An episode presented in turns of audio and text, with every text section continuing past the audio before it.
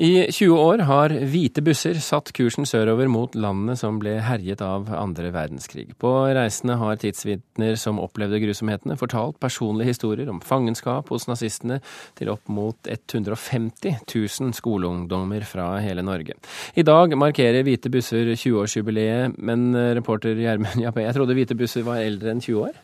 Ja, De er vel eh, eldre enn både deg og meg til sammen, skulle jeg tro. Nesten 70 år.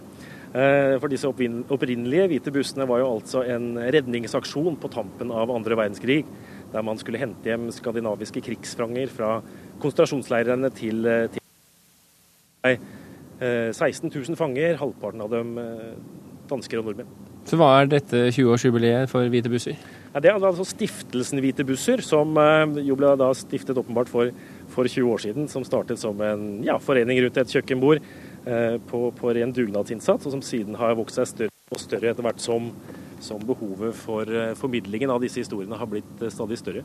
Vi har trukket ut i bakgården her, ut fra, ut fra lokalene til Røde Kors, hvor solen skinner og det er fuglesang. Her sitter vi bl.a. sammen med, med, Bernt Lund. Du var 20 år, Lund, da, da de hvite bussene kom til Sachsenhausen i, i 1945. Hva, hva, tenkte du da, de, da du så de komme?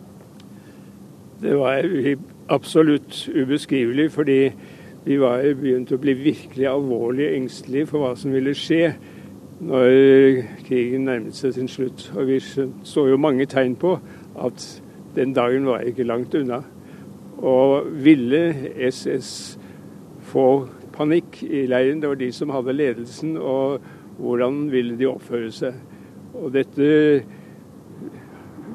at vi kanskje skulle bli reddet av de hvite bussene, det fikk jeg en viss forsikring om allerede i januar i et brev fra min mor til en tysk fangkamerat.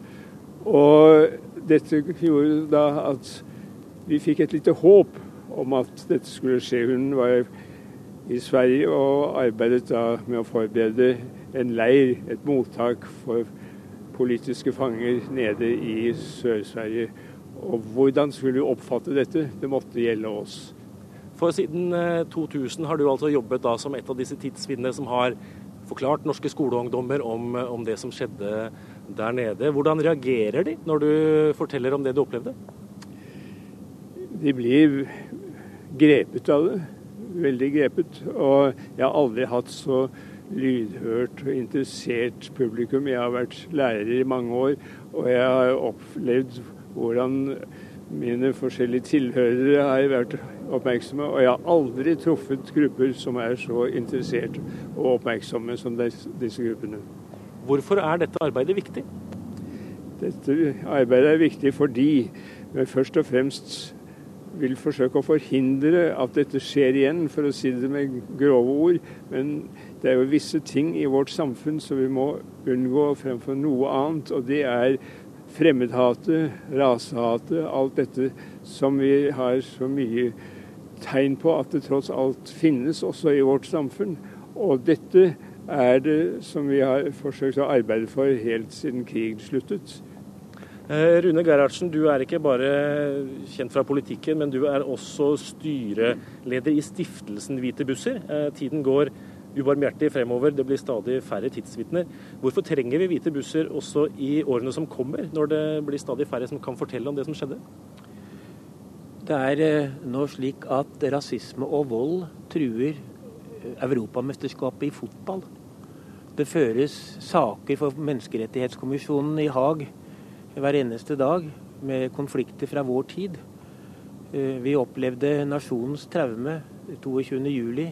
i fjor dette er ting som finnes der ute, og det finnes i vårt eget land.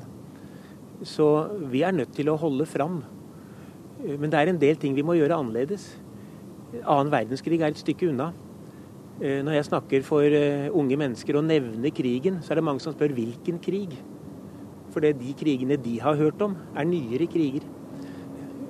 Og eh, tidsvitnene blir det ikke flere av. Eh, fra, fra annen verdenskrig. Men det finnes fra andre kriger. Og det finnes eh, rundt oss. Eh, det vil faktisk være tidsvitner fra Utøya som eh, beskriver en, beskriver en situasjon som kom kastende på oss. Så her ligger det spennende dimensjoner i å trekke dette videre. Og inkludere andre kriger og konflikter enn vår egen tilbake på 40-tallet. Men hvordan jobber dere nå for å bevare historiene til disse tidsvitnene det blir stadig færre av? De historiene er jo nedfelt på mange måter. Og er, de er fortalt og gjenfortalt. Så jeg er ikke noe redd for det. Men vi er jo også nødt for å skape nye historier, nye fortellinger. Og det er, jeg får nesten si dessverre, altfor mye å ta av. Eh, poenget er nå å lage, lage, de fortellingene og lage oppleggene slik at de virker relevante for nye generasjoner, som ikke har noe innlevelse eller forhold i forhold til annen verdenskrig. Til sist må jeg også bare få spørre deg, deg Bernt Lund. Eh, hva tenker du om, om, fremtiden til hvite busser, når det blir stadig færre av dere som opplevde det? Det er veldig viktig at eh, kontakten med skolene gjenopprettes. fordi når, nå er den brutt av økonomiske grunner. Og vi ser jo lærernes viktige plass i dette, fordi lærerne har et stort ansvar i sin historieundervisning og samfunnsundervisning. Og det er viktig at vi kan samarbeide med skolene. Helst skulle jeg jo sett at dette å ta en tur til fangeleirene i Europa, at det kunne bli en obligatorisk del av skolens undervisningsplan. Fordi det er noe alle som vi har med å gjøre, som vi bringer ned der, lærer kolossalt mye av. De hvite bussene skal altså fortsette å kjøre i mange år til, kan vi lære her fra Røde Kors i dag. Takk skal du ha, Gjermund Jappé. Du var eh, med oss fra Røde Kors i eh, Oslo.